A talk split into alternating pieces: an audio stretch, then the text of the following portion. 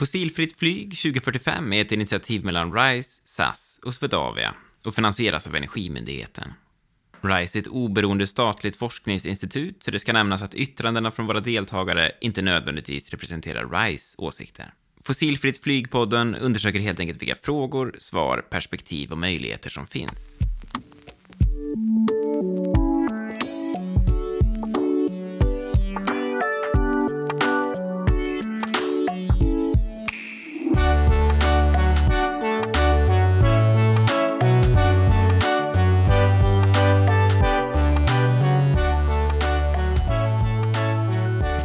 Och välkommen till Fossilfritt flygpodden. Mitt namn är Maria Gran. Och jag heter Melinda From. På bara tre decennier ska världsekonomin bli klimatneutral. Det innebär att affärslandskapet helt klart kommer att se annorlunda ut. Vilka är affärsmöjligheterna och hur ser framtidens affärsmodell ut? Vi har i tidigare avsnitt pratat om nya tekniker som kommer och vilka möjligheter det skapar och vi har hört om nya typer av bioflygbränsle, hur de skapas och så vidare. Och att det faktiskt kan generera nya affärer, kanske till och med från restavfall från den svenska skogen.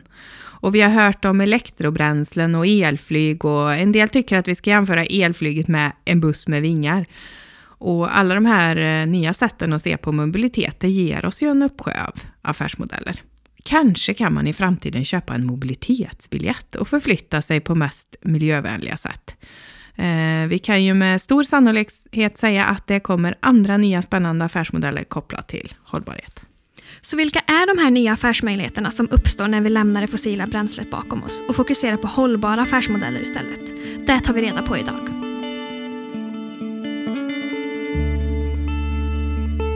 Och våra gäster idag är Sofia Svan, Manager of People and Culture på Löfbergs. Gustav Stenbeck, entreprenör och investerare med fokus på hållbara affärsmodeller. Och Sofie Sedelöv som är marknadschef på flygresor.se. Och vi börjar såklart med morgonkaffet på Löfbergs.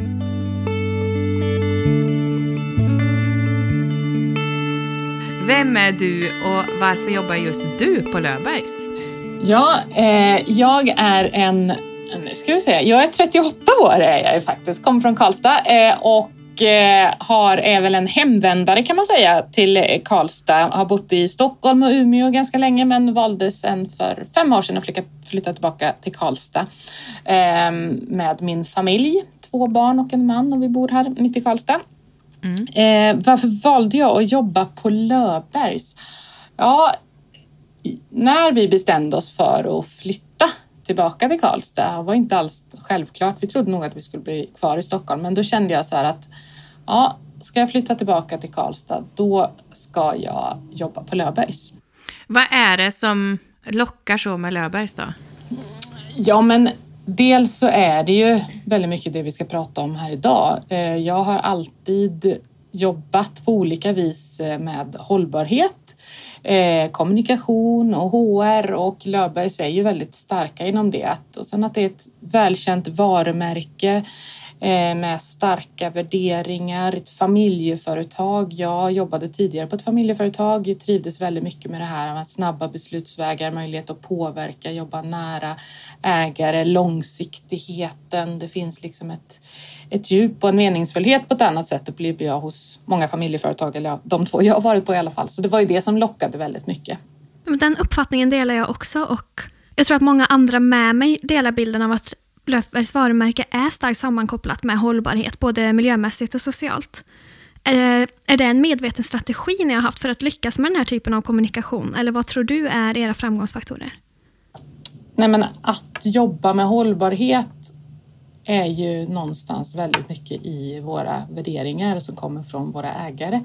Att ta ett stort samhällsansvar, att, liksom, att vara en aktiv började ju redan 1906 med att man var liksom aktiv i lokalsamhället och, och sen hela tiden har jobbat med att, att göra mer än att sälja kaffe, att också ta ett ansvar för det allt runt omkring. Eh, så det, det, det ligger ju, det kommer ju väldigt mycket från, från våra värderingar och från våra ägare och sen så är det såklart någonting som vi i vår kommunikation har nyttjat Eh, och, och tryckt på och varit tydliga med. Och vi, var, vi har varit tidiga ut med certifieringar. Vi var först med att importera den första containern av ekologiskt kaffe i Sverige, var tydliga med materialval, tog först bort aluminiumet i våra förpackningar. Så vi har ju liksom hela tiden drivit hållbarhetsagendan i, i våran bransch och har väl till stor del lyckats kommunicera det, men samtidigt så har vi också varit ganska försiktiga ibland med att kommunicera. Vi vill vara 100% färdiga innan vi kan liksom slå oss på bröstet så att vi, vi eh, skulle nog kunna ha kommunicerat ännu starkare kring vårt hållbarhetsarbete.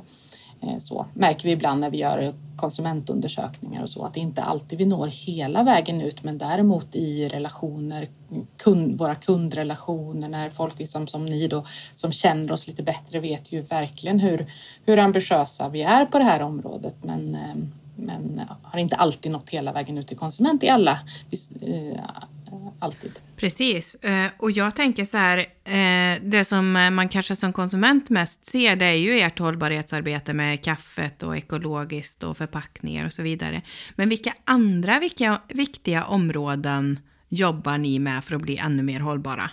Dels så jobbar vi ju jättemycket med, med projekt med, med småskaliga kaffeodlare runt om i världen där vi liksom investerar ganska mycket varje år för att förbättra levnadsvillkoren för småskaliga kaffeodlare tillsammans med andra aktörer. Vi var med och startade något som heter International Coffee Partners tillsammans med andra europeiska kaffeföretag. Så det är ju ett väldigt viktigt område som vi jobbar med.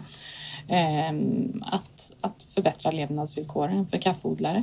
Ett annat område som vi de senaste ska säga, två, tre åren har ökat fokus på det är ju jämställdhet och mångfald och hur vi kan driva på både i vår egen organisation för att bli mer inkluderande och få en, en, en större mångfald i vår organisation hos våra medarbetare och ledare men också hur vi som, som sponsor och aktör i samhället kan driva på för ett mer inkluderande samhälle.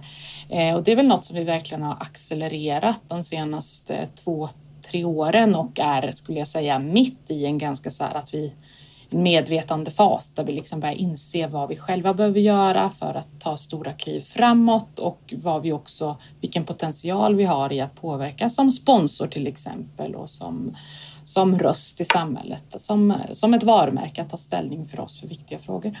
Va, eh, vad är drivkraften och kanske framför allt vad är vinsten med det för er? Drivkraften kommer ju väldigt mycket från, återigen från vilka vi är och våra värderingar och så eh, skulle jag säga. Eh, men också att vi ser att det, det lönar sig. Vi får ju affärer på vårt hållbarhetsarbete. Det är ju liksom eh, många som väljer att välja oss för att vi för, för, att vi jobbar med hållbarhet och för att vi har hållbara produkter, certifierade produkter och, och liksom att vi ja, men som en sån sak som vi släppte precis vår hållbarhets, eller håller på med en hållbarhetsredovisning nu. Det är jätteviktigt för att kunna visa mot riktigt stora kunder liksom att vi jobbar strukturerat med det här. Eh, men sen skulle jag säga att det är också vinsten är ju att ja, gör du inte det idag så är det ju svårt att vara relevant för, för konsument, för framtida medarbetare. Det är ju otroligt viktigt att, att jobba med hållbarhetsfrågor och både miljömässiga men mm, sociala såklart också jättemycket. Att vi är en, om man pratar om mångfald och jämställdhet och inkludering så kommer det ju vara hygienfaktor för framtidens medarbetare. Ehm, att, att att vi är fräscha, att det här är liksom för att vara relevanta, för att välja oss som arbetsgivare så måste vi, är det här superviktigt. Eh, och sen det är klart varumärkesmässigt så, så tar vi ju poänger på det här hela tiden såklart. Men, men vi, gör ju, vi har ju valt att göra det den långa vägen, att vi gör det på riktigt. Vi köper liksom inte, inga, inga, inte så kortsiktiga grejer eh, utan mer att, att jobba igenom det långsiktigt och då kanske det tar lite längre tid att få utväxling på det i, i kommunikationen också ibland. Då tänker jag att vi är inne och snuddar väldigt mycket på titeln på det här avsnittet, hållbara affärsmodeller eller framtidens affärsmodeller. Vad är det du tänker på när du hör hållbar affärsmodell och hur ser den ut på Lövbergs? Ja, men jag tänker ju på att det handlar ju om att det ska vara integrerat i, i hela affären, att det inte bara är en avdelning som jobbar med, med hållbarhet utan att det är integrerat, det är en del som liksom finns med i allt. Eh, så, så att, eh, eh och det skulle jag säga, där har vi ju eh, så har vi jobbat ett tag. Vi har absolut en, en, eh, en avdelning som, som är liksom möjliggör och eh, Eh, möjliggör för hela organisationen att jobba hållbart men ansvaret är fördelat ut på hela organisationen. Eh, vad jag tänker på när man hör hållbara affärsmodeller det är också att göra affärer på hållbarhet. Det ena är liksom att eh, såklart minimera negativ påverkan, att vara hel och ren och att ta sitt ansvar liksom som samhällsaktör. Men sen handlar det ju också om att faktiskt få till en öka den positiva påverkan och där tittar vi just nu på vad kan man göra med mer av att titta mycket på cirkulära affärsmodeller. Vad, det finns väldigt mycket mer i kaffe än faktiskt de där, den serverade kopp, det vi dricker. Eh, vad kan man göra med sumpen? Vad kan vi göra med liksom, tillsammans med bönderna med köttet runt kaffebönan? Hur kan vi liksom förädla och få ut mycket, mycket mer nytta av hela kaffets värde. Så det är liksom det cirkulära, eh, både innan den kommer till oss, det kommer till oss men också efteråt. Liksom. Och att, eh, till exempel tittar man på vad du kan få ut av kaffesump så kan du få ut en himlans massa bra oljor till exempel eh, som kan användas och som då eh, värdet blir mycket, mycket högre på än vad ja, in, koppen kaffe så att säga. Eh, men det handlar ju också om, eh, vi tittar mycket på hur vi kan få in en ökad andel tjänster i, i, i våran affärsmodell och kanske och sälja mycket mer av våran expertis. Vi är grymma på att köpa in kaffe på ett hållbart sätt. Vi är väldigt bra på att rosta. Eh, vi kan väldigt mycket kring hållbarhet och kaffe och hållbara liksom, affärsmodeller. Hur kan vi börja sälja våran, våran kompetens på ett annat sätt? Det är ju såklart jätteintressant. Ehm, och mm, Tjänster tror vi kommer bli ehm, viktigt utifrån Löfbergs perspektiv framåt. Så, och det är, det är också såklart att ehm, då har du en ganska liten påverkan på, på miljön på det sättet eh, när du säljer tjänster. Eh, så på det sättet blir det hållbart, men också sälja faktiskt tjänster som kanske kopplar väldigt hårt an till, till hållbarhet och vår kompetens inom det.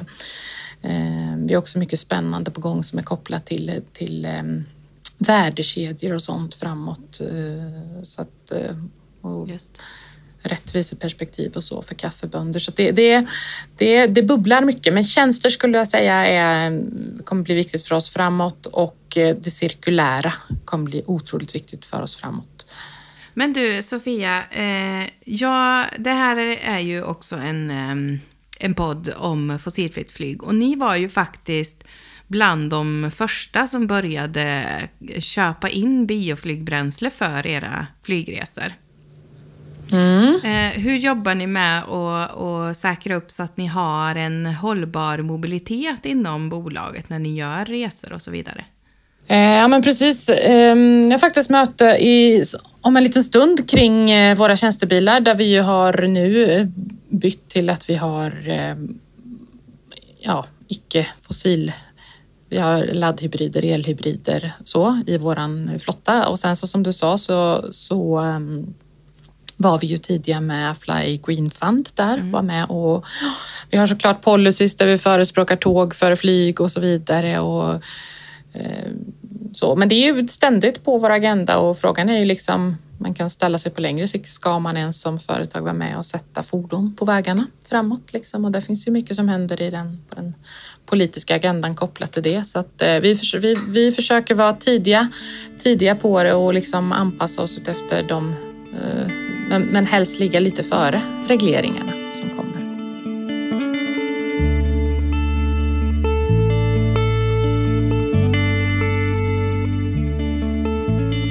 Ja, då tackar vi Sofia Svan så mycket för det och går över till vår intervju med Gustav Stenbeck.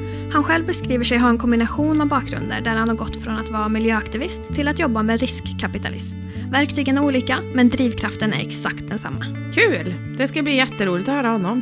Eh, och det här är ju faktiskt första gången jag hör den här intervjun, för producent Oskar var ju min stand-in. Kan du presentera dig kort? Vem är du, namn och titel? Oj, titel. Den är omöjlig. Um, namn är ju lättare. Jag heter Gustav Stenbeck och jag jobbar väl som... Jag brukar säga tre saker. Um, jag är eh, entreprenör, vilket innebär att jag driver ett bolag eh, här i Stockholm som heter Mestro. Vi mäter och visualiserar energidata i stora fastighetsbestånd. Um, ungefär 30 personer.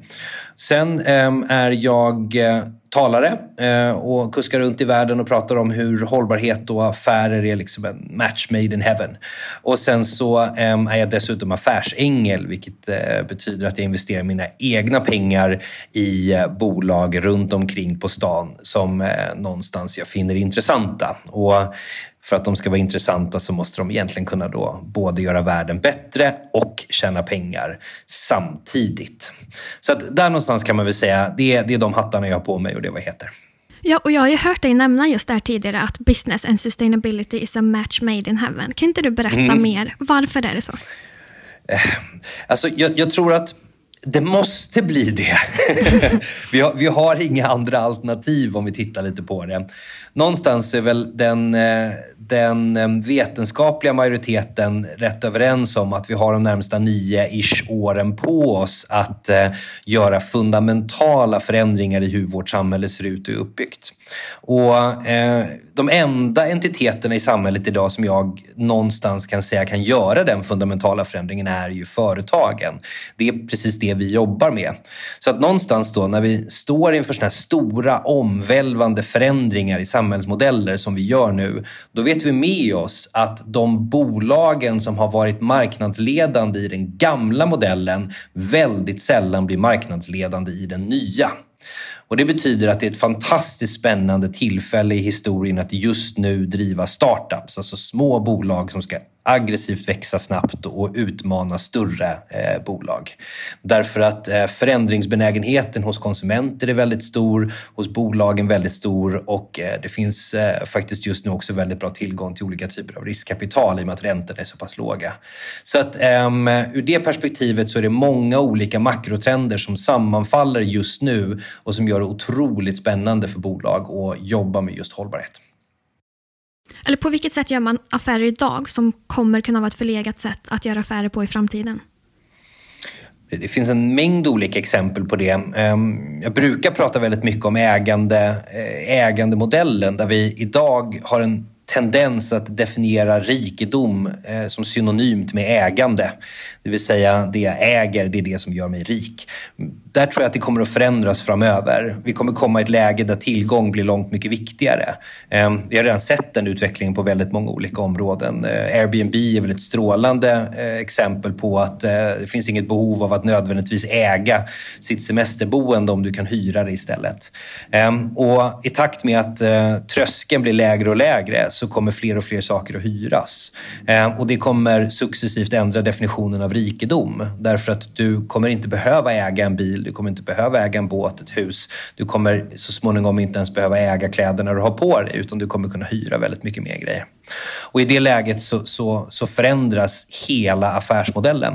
Och Det gör att bolag som någonstans förstår det här, de ligger ju fantastiskt spännande till därför de skapar ju många, många fler beröringspunkter med sina kunder. Medan de som jobbar på en sälj en gång affärsmodell, de har bara en kontaktpunkt med kunden. Kommer kunden tillbaka därefter, då är det ju för att göra en reklamation eller, eller vädra missnöje. Och det, det, det vill man ju inte ha. Så att, eh, det innebär att du behöver ändra hela den affärsmodellen för att den ska kunna bli relevant. Eh, och återigen, då kommer vi till det här med stora bolag. De har svårt att skruva affärsmodeller rent generellt. Så att, eh, det, det, tror jag kommer bli en stor utmaning. Och där kommer vi se en väldigt stor skillnad på hur vi gör affärer, bara på det här som ett exempelområde. Då. Ja, precis. Och har du några tankar då på hur man skulle kunna applicera det här mot flyget? Hur tror du nya affärsmodeller kan se ut i resebranschen? Ja, men här är väl kanske accessekonomi, alltså tillgång och uthyrning krångligare. Du, du, du hyr ju effektivt eller köper ju en flygstol idag. En sak som har blivit ganska intressant däremot är att det blir uppenbart vad utmaningen är för flygbranschen i den här coronatiden. För då är vi i ett läge där om du skulle ha prenumererat på en flygstol istället så skulle du inte sett den här dramatiska minskningen i flygning som man har sett då.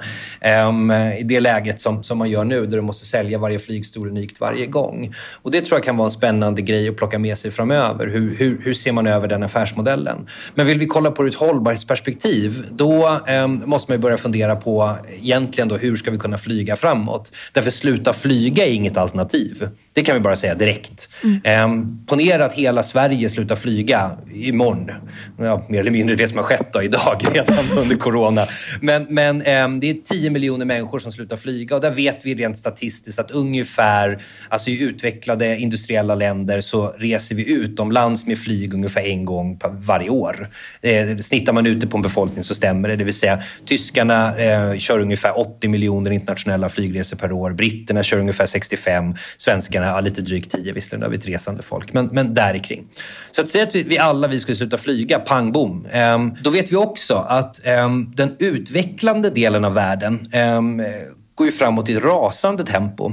Det är ungefär ja, mellan säg tummen och pekfingret 100 till 120 miljoner människor som varje år kommer in i någon form av global medelklass. Och det vi vet är att de använder en del av sitt nyvunna konsumtionsutrymme med internationellt flygande. Och där finns det inte alls samma klimatångest som vi ger uttryck för här i västvärlden. Så att um, även om alla vi svenskar slutar flyga så är det mindre än en månads utveckling på den internationella flygmarknaden som den har sett ut hittills. Alltså sluta är inte ett alternativ. Vi måste hitta bättre lösningar.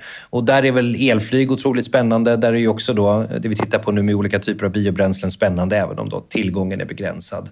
Men, men ehm, flyget är inte annorlunda från vilken annan bransch som helst. Det är innovation som kommer lösa det här, inte att vi slutar flyga. Så det du säger är egentligen att fler och fler människor kommer att vilja resa och de kommer att resa oberoende av vilka förutsättningar som finns kanske rent hållbarhetsmässigt. Så det vi kan göra med vårt arbete här det är helt enkelt att skapa förutsättningarna för att det sker på ett hållbart sätt. Ja, alltså vi, vi vet att vi som människor är riktigt dåliga på att tacka nej till saker vi vet att vi skulle kunna få. Och det har varit en drivande del i utvecklingen i världen att vi människor hela tiden vill ha mer. Det är också det som är utmaningen vi står inför nu. Men att då de närmsta nio åren säga till människor att nu ska ni sluta flyga, sluta äta kött, sluta konsumera kläder, sluta köra bil. Det, det, det är inte ett samhälle som vi kan bygga de närmsta nio åren. Även om vi trodde att det var vägen framåt så kan jag garanterat 100% säkert säga att det kommer inte funka. Människor kommer inte göra det. Och då någonstans utifrån det perspektivet så är innovation det, det enda andra alternativet vi har. Och där måste ju flyget kunna driva på det um, i form av hur kan vi se till att människor kan flyga på ett hållbättre sätt. Jag gillar ju att kalla det hållbättre. Då. Uh. Hållbättre? Ja. Um, det är ju så här, uh, ordet hållbar är ju lite krångligt. Um, jag hör det ganska ofta. Um, det hållbara bolaget eller um, Tesla, de bygger en hållbar bil. Tesla är inte en hållbar bil. Det, det, det är en bättre variant än om du köper en, en, dieselbil eller en bensinbil. Men den är inte hållbar. Problemet med ordet hållbar är att det antyder att vi är framme. Vi är inte framme. Vi, vi behöver, vi behöver de här nio åren på oss för att komma ens till närmelsevis till framme. Och använder man ordet hållbar så, så, tycker jag att man, man kommer lite fel. Ehm, därför att det antyder som sagt att vi är där. Hållbättre, det betyder någonstans att vi är på en resa. Det vill säga, det finns ett bättre alternativ än idag, men det är inte hållbart än så länge. Så att då kan man ju till och med använda det som hållbra, hållbättre, hållbäst om man skulle vilja. Då. Och, och, då får du de här graderna och du får dessutom möjligheten att poängtera på att det är resan vi är på. Och um, det hållbara alternativet finns inte än. Uttryck och benämningar är ju viktigt. Vi har haft ett avsnitt precis eh, före den här inspelningen kring hållbar kommunikation. Där vi har pratat mm. just om också att bryta ner komplexiteten i det hela så att man kan förstå men som utomstående, vad är det vi tar emot? Där tycker jag det här var ett jättebra exempel på hur man kan kommunicera mm. kring gemene, till gemene man. Nej, men det får inte heller bli så att, ehm, och det här ser man ju ganska mycket om vi ska använda, eh, fortsätta använda Tesla som exempel, och det är ju faktiskt ganska tillämpbart i flyg också. Det är ju att ehm, Tesla är just inte den, den, den hållbara lösningen. Batteripacken till exempel är inte hållbara idag. Men eh, de är hållbättre än dagens alternativ och det finns dessutom en väldigt stor utvecklingspotential. Det vill säga, du kommer ju kunna göra både eh, befintlig batteriteknologi på en hel del återvunna metaller och sen så nu senaste gången jag var i Los Angeles själv så träffade jag en tillverkare av nästa generations batteriteknologi då, som är grafenbatterier som baserar sig på 100% kol, det är kolbaserat. Och det gör att eh, i det läget skulle du kunna få batterier som är eh, helt komposterbara. Så då tappar du hela den här eh, dimensionen med konfliktmineraler och, och olika typer av, av, problematiska innehåll i batterier som vi har idag. Ehm, där du då kan ladda de här bilarna på ett mycket bättre och smartare sätt och framförallt hållbättre sätt. Så att ehm, fastnar du i att det vi måste ersätta dagens system med att det ska vara liksom den slutgiltiga lösningen, då, då, går vi bort oss. För den tekniken har vi inte fullt ut idag. Vi måste se det här som en resa där vi hela tiden gör framsteg på resan. Där inte liksom det bästa får bli det godas fiende i det här sammanhanget. Och där kan vi flika in som en rolig grej att där har vi faktiskt i Sverige Brightday Grafen AB som jobbar mm, med eh, grafen av biomassan lignin, alltså totalt eh, grönt. Och det där är ju spännande. Varje gång jag, jag är uppe och, och, träffar olika typer av skogsbolag, eller uppe, jag, säger, jag bor ju i Stockholm och då när jag är uppe och föreläser norr om Stockholm då så har jag en tendens att, att träffa de olika skogsindustrierna. Och då är det ju en sak som de alltid lyfter som jag tycker är så otroligt spännande. Det är att allting man kan göra med olja kan man göra med skog. Och det, det, ehm, det, är ganska fascinerande, men det stämmer ju i väldigt hög grad. Så det, det, ehm, och då har vi en väldigt bra råvara som står direkt utanför farstuporten för oss om man är svensk. Då. Och jag tänker så här, om man, för nu, du jobbar ju mycket med startups berättade du här tidigare. Mm. Men när jag tänker på flygbranschen, då tänker jag på företag som de kanske tillhör en förlegad affärsmodell, om man vågar vara så fräck. Vad gör man om man befinner sig i den positionen? Har du några tips? Vad skulle du säga? Vad behöver man göra för att hänga med och säkra sin plats som en framtida hållbar aktör? Finns det inte ett stående skämt om, eh, om flygbranschen där man säger det? Hur, hur kan du bli miljonär? Satsa en miljard på ett flygbolag. det, det, har kanske inte varit strålande utveckling på kurserna på flygbolagen eh, de senaste 5-10 åren eller till och med innan dess. Då. Nej men eh, skämt åsido, det är en produkt som, som eh, kunderna eh, behöver och kommer att fortsätta behöva i tilltagande grad. Det blir allt fler som flyger. Så att ur det perspektivet så, så ehm, så är det ju inget snack om att, eh, att flygbolagen behövs och att flygbolagen har en växande marknad framför sig. Ehm, utmaningen är ju att tillhandahålla den här tjänsten på ett hållbättre sätt och i förlängningen hållbart sätt. Då. Utmaningen idag är ju att kunderna i väldigt begränsad utsträckning är villiga att betala för det. De ser det som att det här är någonting som per definition ska ingå. Ehm, och det kommer över tid förmodligen att utökas så att det blir så att kunderna i högre grad är villiga att betala för, för hållbarhet och hållbara innovationer. Men det jag tycker, det är ju att man måste kunna bundla ihop det här på något bra sätt. Och det är det som man kommer tillbaka till mina startups. Det är ju att du måste som bolag kunna tillhandahålla en tjänst eller en produkt som är både hållbättre och bättre än dina konkurrenter. Du kan liksom inte hålla på och snåla ut och bara göra den ena istället för den andra utan du måste ha båda målen framför ögonen samtidigt. Och kan du inte göra det på ett bra och snyggt sätt, då tror jag att du håller på med ganska lat produktutveckling. Alltså vårt jobb som, som bolag är ju att löpande produktutveckla, tillhandahålla bättre tjänster för kunderna och bättre produkter till kunderna som både gör dem nöjda och i förlängningen gör dem hållbättre. Och eh, I de allra flesta branscher, på de allra flesta marknader kan man verkligen göra det och där tror inte jag flygindustrin är ett undantag. Och vilka exempel finns det? Har du något gyllene exempel där du har tjänat pengar på att jobba med just hållbarhet? Ja, ja. Um, om vi tittar på i perspektivet investerare så, så går det alldeles utmärkt att köpa och sälja bolag. Um, och investerar du i rätt bolag som har makrotrenderna framför sig så ska de ju onekligen växa snabbare än marknaden. Och då i det läget får du bra avkastning på kapitalet. Um, det, det som jag aldrig har gjort det är att göra avkall på just den här kombinationen av att det måste också bara helt enkelt vara en bättre produkt. Ehm, vi har en tendens att se hållbarhet som välgörenhet eh, på en mängd olika både plan och, och, och hur vi än tänker kring hållbarhet. generellt sett ses, ses det som lite fult att tjäna pengar på hållbarhet, eh, vilket jag inte riktigt förstår. Och i andra ändan så ser man ju också det som att om du är entreprenör och blir stormrik då blir du filantrop i nästa läge. Så att på något vis är det att du tjänar dina pengar på att um, och, och göra världen sämre och sen försöker du någonstans då reparera lite av den här skadan när du har gjort dina miljarder och sitter i ditt mansion. Då. Och det, um, det tycker jag kanske är en, en, en, dum modell. Man måste kunna tjäna pengar även på resan på något vis. Då. Um, så att, det är mycket fokus för mig. Då. Men eh, kollar man på det ur ett perspektiv var, var någonstans finns framtiden? Så är det ju bolag som någonstans kan lösa både ett problem för en kund och lösa det problemet som vi alla står inför. Alltså man måste kunna lösa båda. Kan man göra det, då finns det tillväxtpotential. Ehm, eh, och det finns till och med också betalningspotential hos kunderna för det.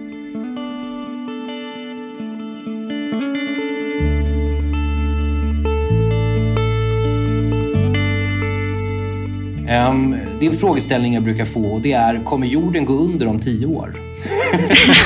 Ehm, Nej, men jag, jag, jag, jag, får faktiskt den ofta. Just det här liksom. Eh, Gustav, du var på Greenpeace för 20 år sedan. Du är påläst på klimatforskningen. Vi vet alla att vi står inför någon form av, av omvälvande klimatförändring. Kommer jorden gå under 2030? Liksom? Och, och, någonstans kan jag säga så här. Nej, men jorden kommer mer eller mindre garanterat inte gå under innan 2030. Utan jorden kommer se väldigt annorlunda ut 2030. Och den kommer se annorlunda ut delvis på grund av att vi kommer att leva i en klimatförändring som kommer att förändra oss. Men det är också så att om man tittar tillbaka tio år i tiden och jämför med idag så lever vi också i ett annorlunda samhälle än vad vi gjorde för tio år sedan. Den förändringstakten vi lever i, den bara ökar och ökar och ökar. Och tittar vi på hundra år framåt i tiden så kommer den här förändringen vara enorm i hur vi lever våra liv. Det vill säga teknologin kommer ju vara fantastiskt avancerad. Så att, att jämföra dagens samhälle med ett om tio år eller ett med hundra år är jättekrångligt. Jorden kommer inte gå under, garanterat, utan vi kommer att kunna förändra oss och vi kommer att kunna ändra sättet vi lever på för att klara utmaningarna vi står inför. Inte så orolig över det. Vi har klarat alla större utmaningar vi stått inför hittills i mänsklighetens historia. Jag tror att vi kommer klara av den här också.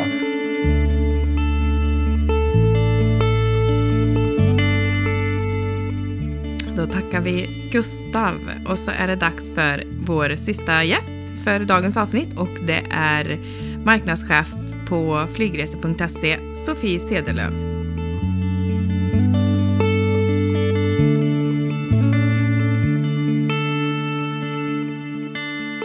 Mitt namn är Sofie Sedelöv och jag är marknadschef på flygresor.se.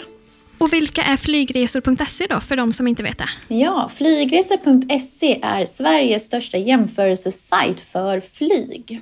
Vad är det som påverkar om resan är mer eller mindre bra för miljön? Vilka faktorer är det ni har vägt in i det arbetet? Ja, vi har eh, tagit fram en beräkningsalgoritm av några studenter på, på KTH.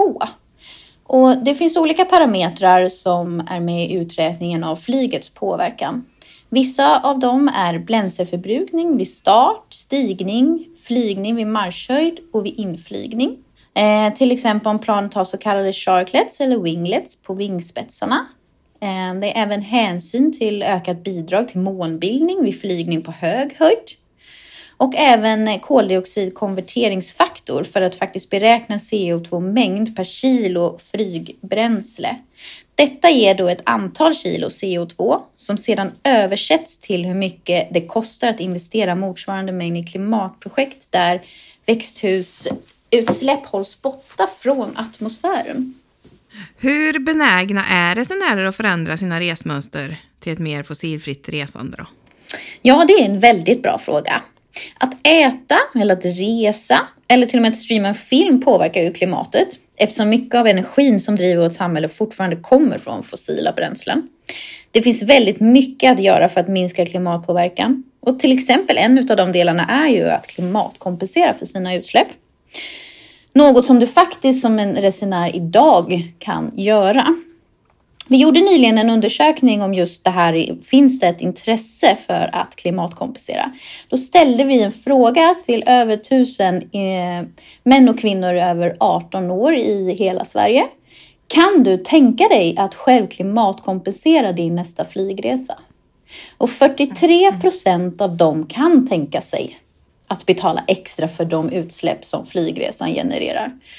Och det är ganska mycket. Verkligen. Och, eh, och det här är ju eh, en del av er affärsmodell. Eh, och avsnittet idag handlar ju om eh, hållbara affärsmodeller. Och vilka andra affärsmodeller tror du kommer dyka upp i resebranschen? Ehm, om man gör det så smidigt och enkelt som möjligt utan att komplicera saker och ting för resenärer. Att välja ett klimatsmart val så, så kommer fler att göra det. Mm. Kan man jämföra både, ehm, för ni, det ligger ju i namnet såklart, flygresor.se, men, men kan man på något ställe jämföra flygresor med andra typer av resor också? Som, som vad då? Ja, men som båt eller bil eller? Ja, det kan man göra. Vi har ju en, en vi arbetar tillsammans med en, en klimat eh, som heter Go Climate Neutral. Um, och där, kan man, där klimatkompenserar man på sina utsläpp och det kan man göra själv om man vill. Nu är det integrerat i vårt bokningsflöde för att du ska slippa gå via extern via sajt och sen till oss för just kompensera på dina flyg. Men, men du kan ju göra det definitivt själv på båt och så vidare och, ehm, och eh, klimatkompensera direkt på deras sajt. Det behöver inte bara vara flyg med andra ord. Och, um, och vad ser ni att vinsten för er som företag är på sikt då? Att ni jobbar så här hållbarhetsarbetet? Ja, vinsten, eller vad vi, alltså, vinsten för oss är ju att när du som klimatsmart eller vill välja ett klimatsmart val så ska du använda oss för mm. att använda klimatkompensation för dina flygresor och dina utsläpp helt enkelt. Så ni ser en affärsnytta i att jobba med hållbarhet? Absolut. Arbetet. Mm. Det gör vi absolut. Vi har ju gjort den här beräkningsalgoritmen som gör också då att när du klickar i den här eh, inklusive klimatkompensation för att se priser där klimatkompensation ingår. Om då inte flygbolag eh, kompenserar själva till exempel så kommer de ju komma lägre ner i dina resultat. Eh, även resebyråer. Ehm, så det vill säga på bekostnad av andra som inte gör ett lika bra jobb. Och det är så vårt sätt att bidra till att marknadens aktörer jobbar mer och mer med hållbarhetsfrågor.